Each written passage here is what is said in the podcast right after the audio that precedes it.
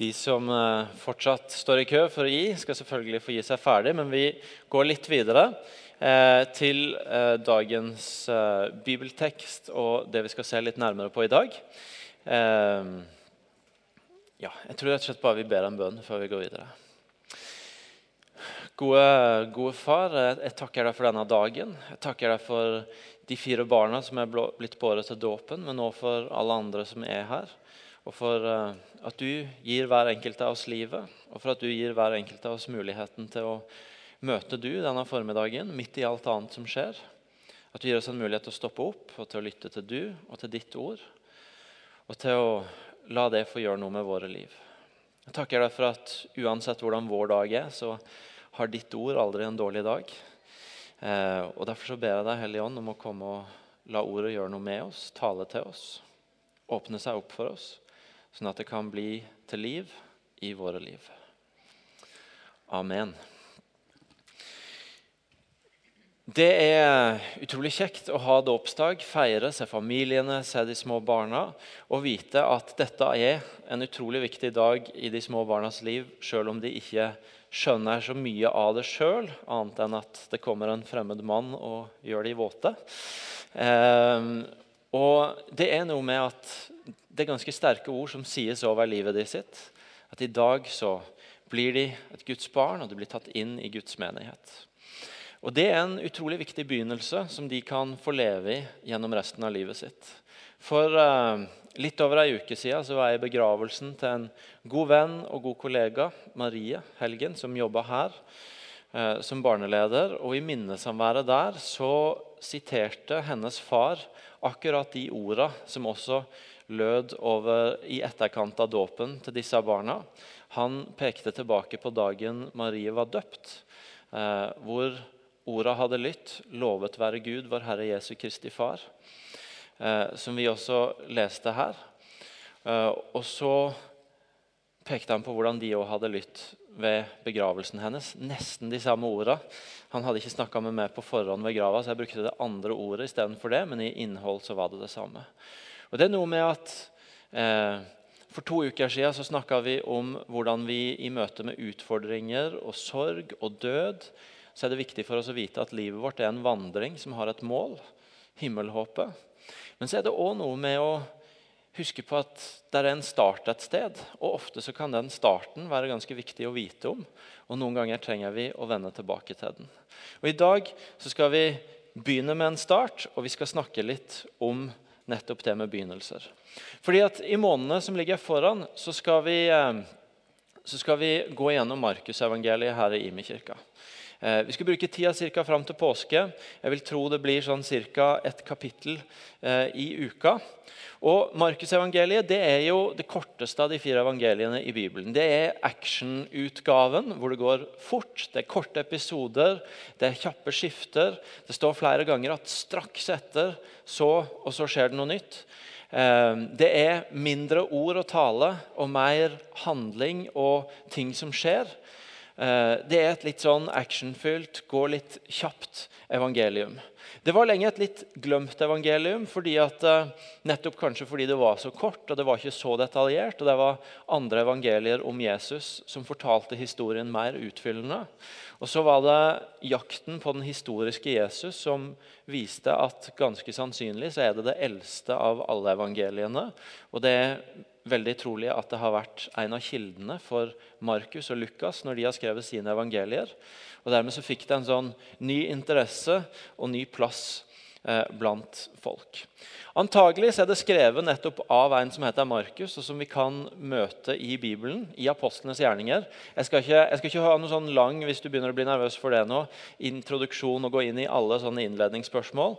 Men eh, Markus finner du i apostlenes gjerninger noen steder. og Blant annet så kan vi nevne at han, han vi tror det er, han var utgangspunktet for feiden mellom Paulus og Barnabas i Apostlenes gjerninger 15, hvor de røyk uklar og skilte lag før Paulus sin andre misjonsreise. Og det var fordi eh, Markus på den første misjonsreisen på ett punkt ikke hadde vilt bli med videre, men heller hadde reist tilbake igjen. Så for hva det er verdt, så kan det jo minne oss om at noen ganger når vi idylliserer historien om det som skjedde for 2000 år siden, de røyk litt uklar og strevde litt av og til med å finne ut av det med hverandre da også. Eh, og så kan det også legges til at eh, Hvis en leser breva til Paulus, så ser det ut som Paulus gjenvant tilliten til Markus seinere i livet. Det som er med Markus, er at det er veldig tydelig en fortelling. Det er veldig tydelig en fortelling du kan følge. Og Forskninga viser at det er ganske sannsynlig å tro at før denne fortellinga ble skrevet ned, så var det en muntlig fortelling som mange ganger ble fortalt i sin helhet. Hvis du forteller, leser gjennom og forteller Markus evangeliet i sin helhet, så tar det ca. et par timer. Og det er sannsynlig at Før denne boka ble skrevet ned, så ble den fortalt i hjem, på markedsplasser, i synagoger eller lignende ting, gudshus. Og en kan se for seg, Når vi går inn og leser historiene, så kan en se for seg en gruppe mennesker som sitter rundt et bord, kanskje, rundt et måltid, og som hører at hele denne historien om Jesu liv blir fortalt i løpet av et par timer. Det er noe av bakgrunnen. Og I tida som kommer, så skal vi ta bit for bit, uke for uke. Og, og håper at du i mellom søndagene vil være med å lese og forberede deg og eh, leve i denne fortellinga, for det er nettopp en fortelling. I dag så skal vi begynne med ett vers Markus 1, vers 1. Eh, og Jeg lover at vi skal skru opp tempoet litt etter det. Jeg har ikke regna ut hvor lang tid det ville tatt hvis vi tok ett og ett vers hele veien ut. Eh, men jeg vet ikke om jeg hadde vært pastor ennå når vi var ferdig, eh, for det ville tatt en god stund. Eh, og, eh, men, men, vi skal begynne der i dag. Og så er det jo nettopp også noe av poenget at vi ikke bare skal etter dette grave oss ned i ett vers, men å lese litt større porsjoner med tekst for å få tak i også historien.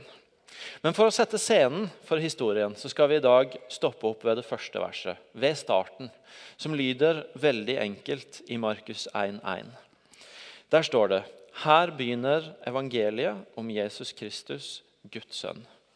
Her begynner evangeliet om Jesus Kristus, Guds sønn. La oss brekke den setninga ned litt. Her begynner. Her er starten på historien. Dette er utgangspunktet.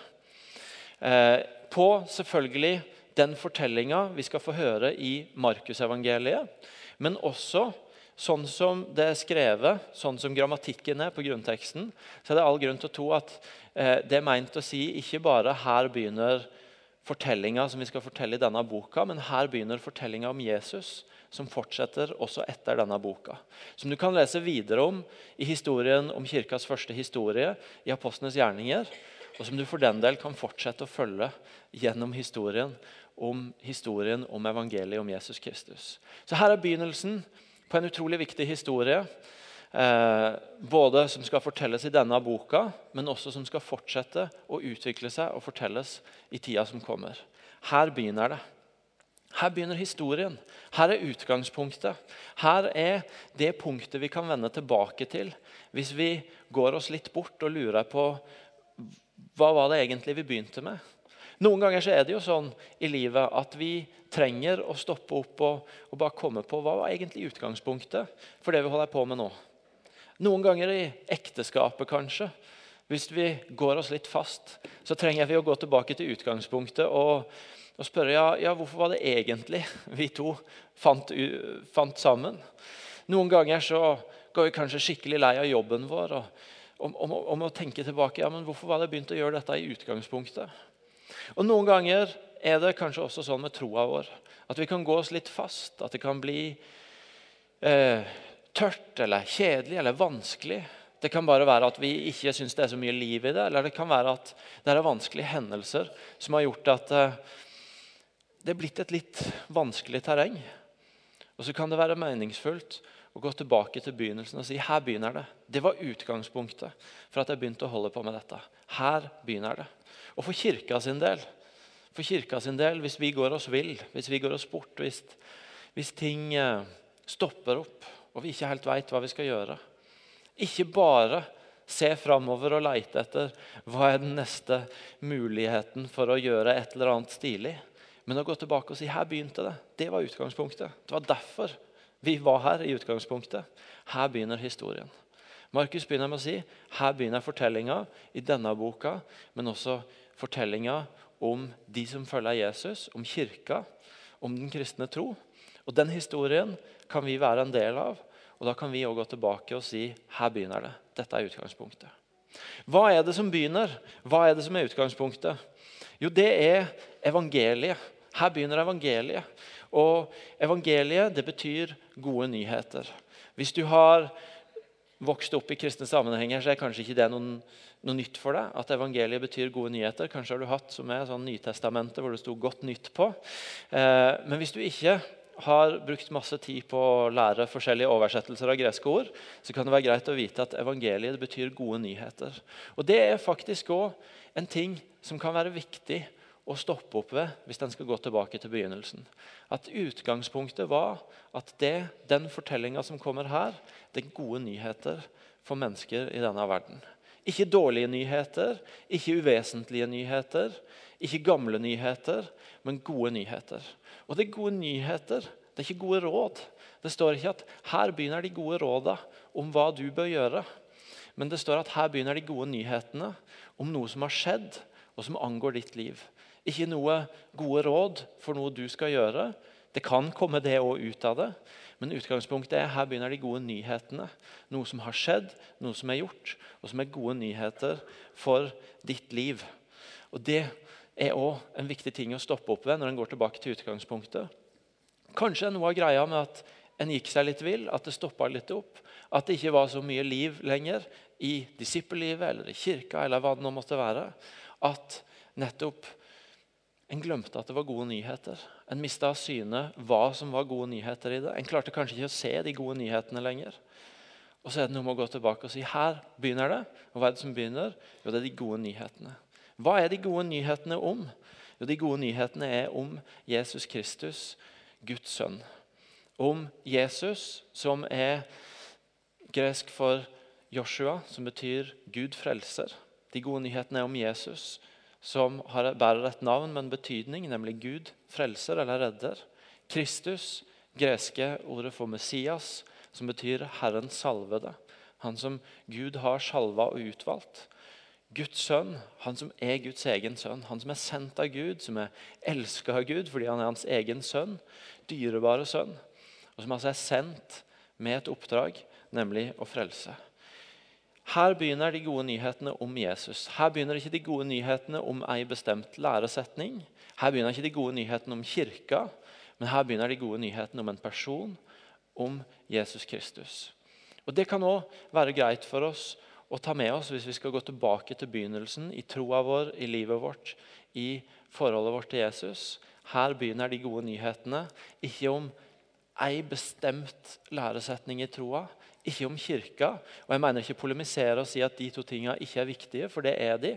Men hvis de blir de gode nyhetene istedenfor at Jesus blir det, så det, kan det fort bære galt av sted.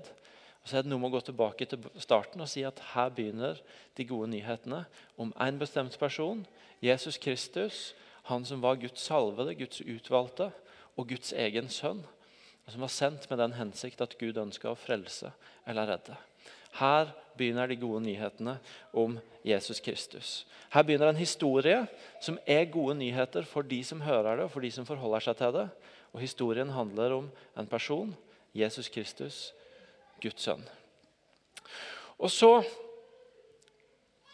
er det sånn at det står at dette er gode nyheter. Men samtidig så var det litt uventa nyheter. Jeg vet ikke om du noen ganger har opplevd å få sånne nyheter i livet som ved første øyekast var ikke det du umiddelbart tenkte at ja, dette er jo kjempegodt nytt. Dette er jo helt supert. Kanskje, for å ta det bare sånn tenkte eksempler Du tapte en budrunde om et hus du virkelig ville ha. og Det føles ikke akkurat som gode nyheter, men så oppdager du etterpå at oi, der ble jeg redda fra et eller annet. Og så, og så fikk du heller det huset som det faktisk var bra å ha. Eller du mista en jobb, og det høres jo ikke akkurat ut som gode nyheter. Og så viste det seg at det i neste omgang ble starten på en annen retning i livet ditt som var veldig bra. Eller barnet ditt møtte motgang som, som på ingen måte kjente som gode nyheter. Og så ble det ei byggende tid i livet som fikk bety noe spesielt akkurat i den fasen. Eller, eller, eller. Det kan være selvfølgelig de små tinga òg. Du mista bussen, og så var ikke det så kjekt. Og så møtte du drømmedama eller drømmegutten på den neste bussen du måtte ta. hva vet jeg. Eh, men dere tar poenget. Gode, uventa nyheter. Det er nemlig sånn at Selv om Markus sier at dette er de gode nyhetene om Jesus, så er det også de gode, uventa nyhetene om Jesus. Kanskje syns du det er rart at jeg sier det, hvis du har lest litt Bibel uh, og fulgt litt med i timen uh, på hva som skjer i Det gamle testamentet. fordi det er jo sånn, Du vil kanskje si at ja, men der peker jo ting framover mot Jesus. Der er det folk som profeterer om det, der er tekster som peker mot det. Og det er rett. Det er helt rett at i tida fram mot at Jesus kom, så hadde bygd seg opp en stadig større forventning, og også tekster i Det gamle testamentet peker fram mot det, om at Gud skulle sende en redningsmann, en frelser, en Messias. Men forventningene som var bygd opp til hvem denne Jesus var, det var helt andre forventninger enn, de, enn det han kom med. Det var mye tydeligere forventninger i hvert fall blant de fleste, til en sånn mer politisk skikkelse. Som kom og tok makta og fikk de ut av klørne på det romerske imperiet, som, som holdt sin hånd over dem, og på en måte gjenreiste Israels folkets og deres nasjon som et stort og mektig folk. De venta mye mer en konge, sånn som vi tenker på det i menneskelig forstand. En, en leder som kunne ta de ut og, og, tilbake til gammel storhet. Så Det er det ene, at de forventa en annen type frelser, en annen type redningsmann. Og så skal vi også huske det at Når israelsfolket hadde fortalt hverandre historiene om hvordan Gud ga dem frihet fra gammelt av. For det gjorde israelsfolket. De holdt sin tro på Gud oppe og sin historie oppe ved nettopp å, å begynne ved begynnelsen å gå tilbake og fortelle historien. Og Da fortalte de jo bl.a. historien om hvordan Gud kom til dem når de var i Egypt som slaver. Og Så tok han de ut av det landet, fridde de fra det og tok de inn i et land som det står at fløyt over av melk og honning, og som de, de fikk ha til sin egen disposisjon. Deres bilde av at Gud satte fri, var at han tok de ut av et sånt fangenskap og inn i et sted av overflod. Og Så kommer det altså en fyr som skal være Guds redningsmann, Guds frelser. De gode nyhetene fra Gud til både israelsfolket og andre folk på denne jorda. Og så kan han få seg til å si sånne ting som at ikke jeg skal ta dere inn i landet av overflod her og nå, men heller gi, så skal dere få. Han snakker om at den av dere som vil være stor, han skal tjene. Ikke nå skal jeg sette en av dere til å herske over det romerske imperiet. Han sier ting som at den som mister sitt liv, skal finne det. Han ser på ei gammel enke som gir det lille hun har, og så sier han hun har gitt en mye større gave enn de som ga mer penger her, fordi hun ga av det lille hun hadde. Han sier mange ting som ikke umiddelbart høres ut som gode nyheter for folk flest. Som, som er litt rare, som ikke stemmer med bildene folka som venta på en redningsmann fra Gud, hadde i hodet. Og Derfor så var det litt utfordrende å med en gang se at dette var gode nyheter for folk, for israelsfolket og for andre folk. Det var gode nyheter, men det var litt uventa nyheter. Og det er det som er utfordringa for oss i dag også. Når vi skal gå inn og bruke noen måneder på å dykke inn i starten av historien i evangeliet om Jesus Kristus. Det er at det er på samme måte som det var da, så er det gode nyheter til oss når vi velger å forholde oss til det. Men det kan allikevel være uventa nyheter. Det er ikke alltid at det er de mest opplagte gode nyhetene. Fordi det er fortsatt sånn at den historien som vi skal møte, og som vi møter i evangelien og i denne boka, sier ting som ikke alltid er det mest åpenbare for oss, sett fra her og nå, denne verdens standpunkt. Det er ikke alltid ord som bare stryker oss med håra. Det er ikke ord som alltid gir deg de løsningene som verden rundt allikevel ville fortalt deg. Det er fortsatt utfordrende å høre at en vei til frihet er å elske sine fiender. Eller at måten å ikke bli bundet av materielle bekymringer på, er å gi ut. Eller at løsninga på at jeg har gått meg bort i livet mitt, ikke bare er at jeg må rydde opp sjøl, men at det er en annen som tok skylda for det ved å ikke vinne over noe eller slå noe ned eller ta tak i noe, men ved å dø på et kors. Det er ikke åpenbare nyheter, men det er gode nyheter. Og Derfor, fordi det er gode, uventa nyheter, så trenger vi igjen og igjen å vende tilbake til starten. Å vende tilbake til den enkle fortellinga om Jesus Kristus, Guds sønn. Hvem han var, hva han gjorde, hva han sa, og hvorfor han kom til oss. Og hvorfor han er gode nyheter for oss og for verden rundt oss. Det er en historie vi ikke kan bli ferdig med. Det er en historie vi ikke kan slutte å gå tilbake til begynnelsen med og si her begynte det. Dette er utgangspunktet. Det er derfor vi holder på. Fordi det er det som hjelper oss til å være de vi er meint å være når vi lever med Jesus. Der fins de gode nyhetene som ikke verden rundt oss kan fortelle oss, men som vi tror, og som denne boka forteller, at det er veien til sann frihet. Der er den historien som de barna her, etter hvert som de vokser opp, kan finne et annet alternativ enn å bare skulle gjøre så godt de kan og klare seg best mulig sjøl på veien i dette livet. Der er gode nyheter for dem, men det er gode, uventa nyheter som trengs å leses og bes over og tas inn og tenkes over og snakkes om igjen og igjen for å huske på her begynte det. Dette er de gode nyhetene. Og Det kan hende det utfordrer oss, men det er så viktig at det er verdt å stoppe opp for. Vi, jo, vi er en kirke som har en visjon som sier at vi vil gjøre verdifulle mennesker til bevisste etterfølgere av Jesus Kristus. Det betyr at vi er utrolig opptatt av livet med denne Jesus. Han som historien begynner om på starten her. Det betyr at vi er utrolig opptatt av å finne ut ja, hvordan, hvordan ser det ut å leve med han. Og Da trenger vi igjen og igjen og gå tilbake til begynnelsen.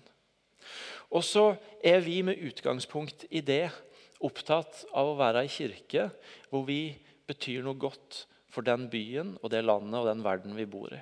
Som er opptatt av at det at vi lever nært på de gode nyhetene om Jesus Kristus, får bety noe for nabolaget vårt, for kollegene våre, for byen vår, for de som er rundt oss. Og Forrige uke det var en rar dag. Jeg begynte på ordførerens kontor og fortsatte her med begravelse av ei jeg er veldig glad i. Eh, men jeg var og møtte ordføreren eh, i Stavanger, Kristine Sagen Helge.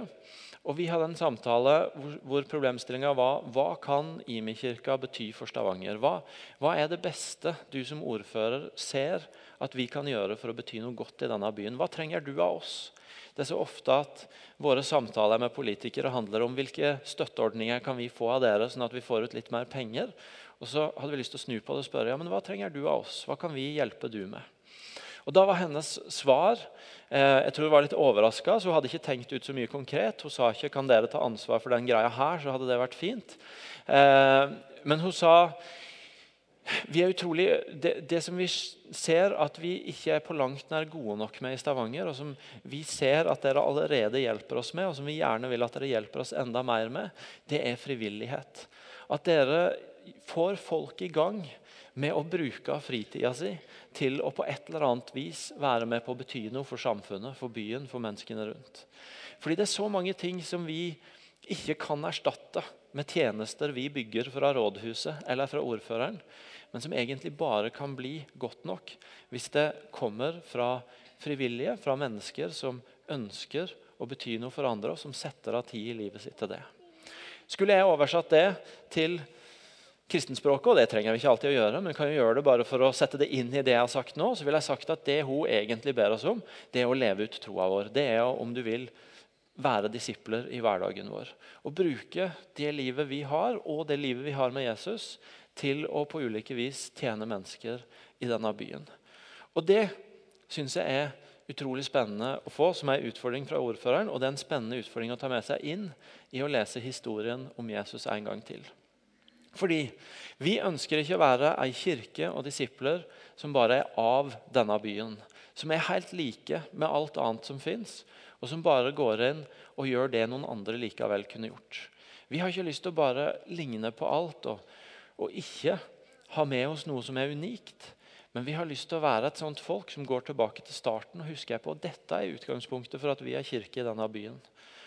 Og og la det være med på å forme, sånn at det blir noe distinkt, noe særegent som vi bringer, fordi vi har med oss de gode nyhetene om Jesus Kristus. Vi ønsker ikke bare å være ei kirke av denne byen som ligner på alt annet. Men vi ønsker heller ikke å være ei kirke og disipler som er mot denne byen. Som bruker de gode nyhetene om Jesus Kristus til å fortelle dårlige nyheter til byen. Om alt som er feil, om alt vi er imot, om alt som skulle vært annerledes. Eh, fordi vi syns vi leser en annen historie i denne boka enn vi leser i verden rundt oss. Hvis historien om Jesus Kristus, Guds sønn, er meint å være de gode nyhetene, så må det være et eller annet som er blitt galt hvis kirka er formidleren av de dårlige nyhetene. Så Vi kan ikke være ei kirke som er av byen, men vi kan heller ikke være ei kirke som er mot byen. Det vi har lyst til å være, er ei kirke og disipler som er for denne byen.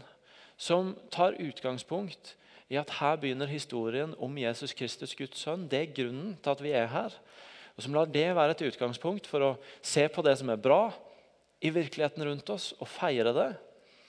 Men som også ser på det som er såra, det som ikke er som det var tenkt å være. Og gå inn med livet med Jesus og de gode nyhetene om Jesus Kristus, Guds sønn, og være med på å forløse, på å bringe nytt liv, på å legge noe annet på bordet som tar sitt utgangspunkt i at historien om Jesus Kristus er gode nyheter for mennesker i denne verden. En kirke for byen, som tjener byen, som, som tar de gode nyhetene og finner ut hvordan de er gode nyheter for menneskene vi har rundt oss. Ikke av byen, ikke mot byen, men for byen. En kirke som lar de gode nyhetene få være gode nyheter. Som kanskje kommer med uventa nyheter noen ganger. Fordi at det er ikke opplagt å høre at ja, Det kan hende at løsninga på den krigen du ligger i med naboen din, er å begynne å velsigne han, eller at hvis du syns du aldri får rettferdig forfremmelse på jobben, så kan det hende at du skal heller sette fokuset ditt på å begynne å tjene folk enn hvordan du kan klatre. Eller, aller viktigst, hvis du sliter med skam, hvis du sliter med å strekke til, hvis du føler ting er gått på tverke, så kjenner jeg vi faktisk en som vil gi nytt liv, som vil tilgi. Som ikke bare vil gi deg gode råd for hvordan du skal rydde opp i det, men som vil gi deg gode nyheter om at en har gjort noe for å allerede ordne opp i det for deg. Det er gode nyheter fra disipler og ei kirke som ikke er av byen eller mot byen, men for byen. Og Der er en som heter Tim Keller. Det er ikke viktig for deg å vite hvem han er, eller huske på det navnet, men han har drevet og planta masse menigheter andre steder i verden og leda folk som gjør det. Og Han har sagt om det de gjør, at eh, de har tenkt lenge og hardt på hva evangeliet er. Og så har de tenkt lenge og hardt på kulturen på de stedene de er. Og så har det blitt utgangspunktet for hvordan de lever livet og gjør kirke de stedene. Og Det er utfordringa til oss her og nå den dag i dag. Det er egentlig å gå tilbake til begynnelsen. Her begynner de gode nyhetene. Her begynner historien. Og å få fatt i hva er de gode nyhetene, og sikre at, at vi har de med oss. Og så se på menneskene vi har rundt oss og spørre hva er deres spørsmål, hva er deres liv, hva er deres utfordringer. Og Hvordan er de gode nyhetene jeg har her, gode nyheter for de i den hverdagen de fins i. Da kan de gode nyhetene om Jesus Kristus, som begynner i Markus 1,1, få lov til å fortsette den dag i dag i vår hverdag, i våre liv. Og derfor har jeg lyst til å invitere deg til å bli med på å lese Markusevangeliet sammen disse månedene. På å stoppe opp og spørre igjen hva er det ved historien som, om Jesus som griper meg. Og på den måten få fornya en sånn Dette var utgangspunktet for det vi holder på med. Dette var utgangspunktet for at jeg tror. Og Så vil jeg at du i denne dagen og i uka som ligger foran, kanskje spesielt kan stille deg spørsmålet om hvor i min tro og mitt liv er det jeg trenger å gå tilbake til begynnelsen. Til å begynne på nytt igjen og spørre hva er de gode nyhetene Jesus har å si inn i denne situasjonen i livet mitt. Hvor er det jeg har mista synet at her var essensen, her var utgangspunktet. Her var det egentlig godt nytt, men det, men det kjennes ikke som godt nytt lenger. Hvor i, i, ditt liv er det jeg trenger å vende tilbake til den starten og få tak i det? Ok? Skal vi reise oss sammen og så be til avslutning?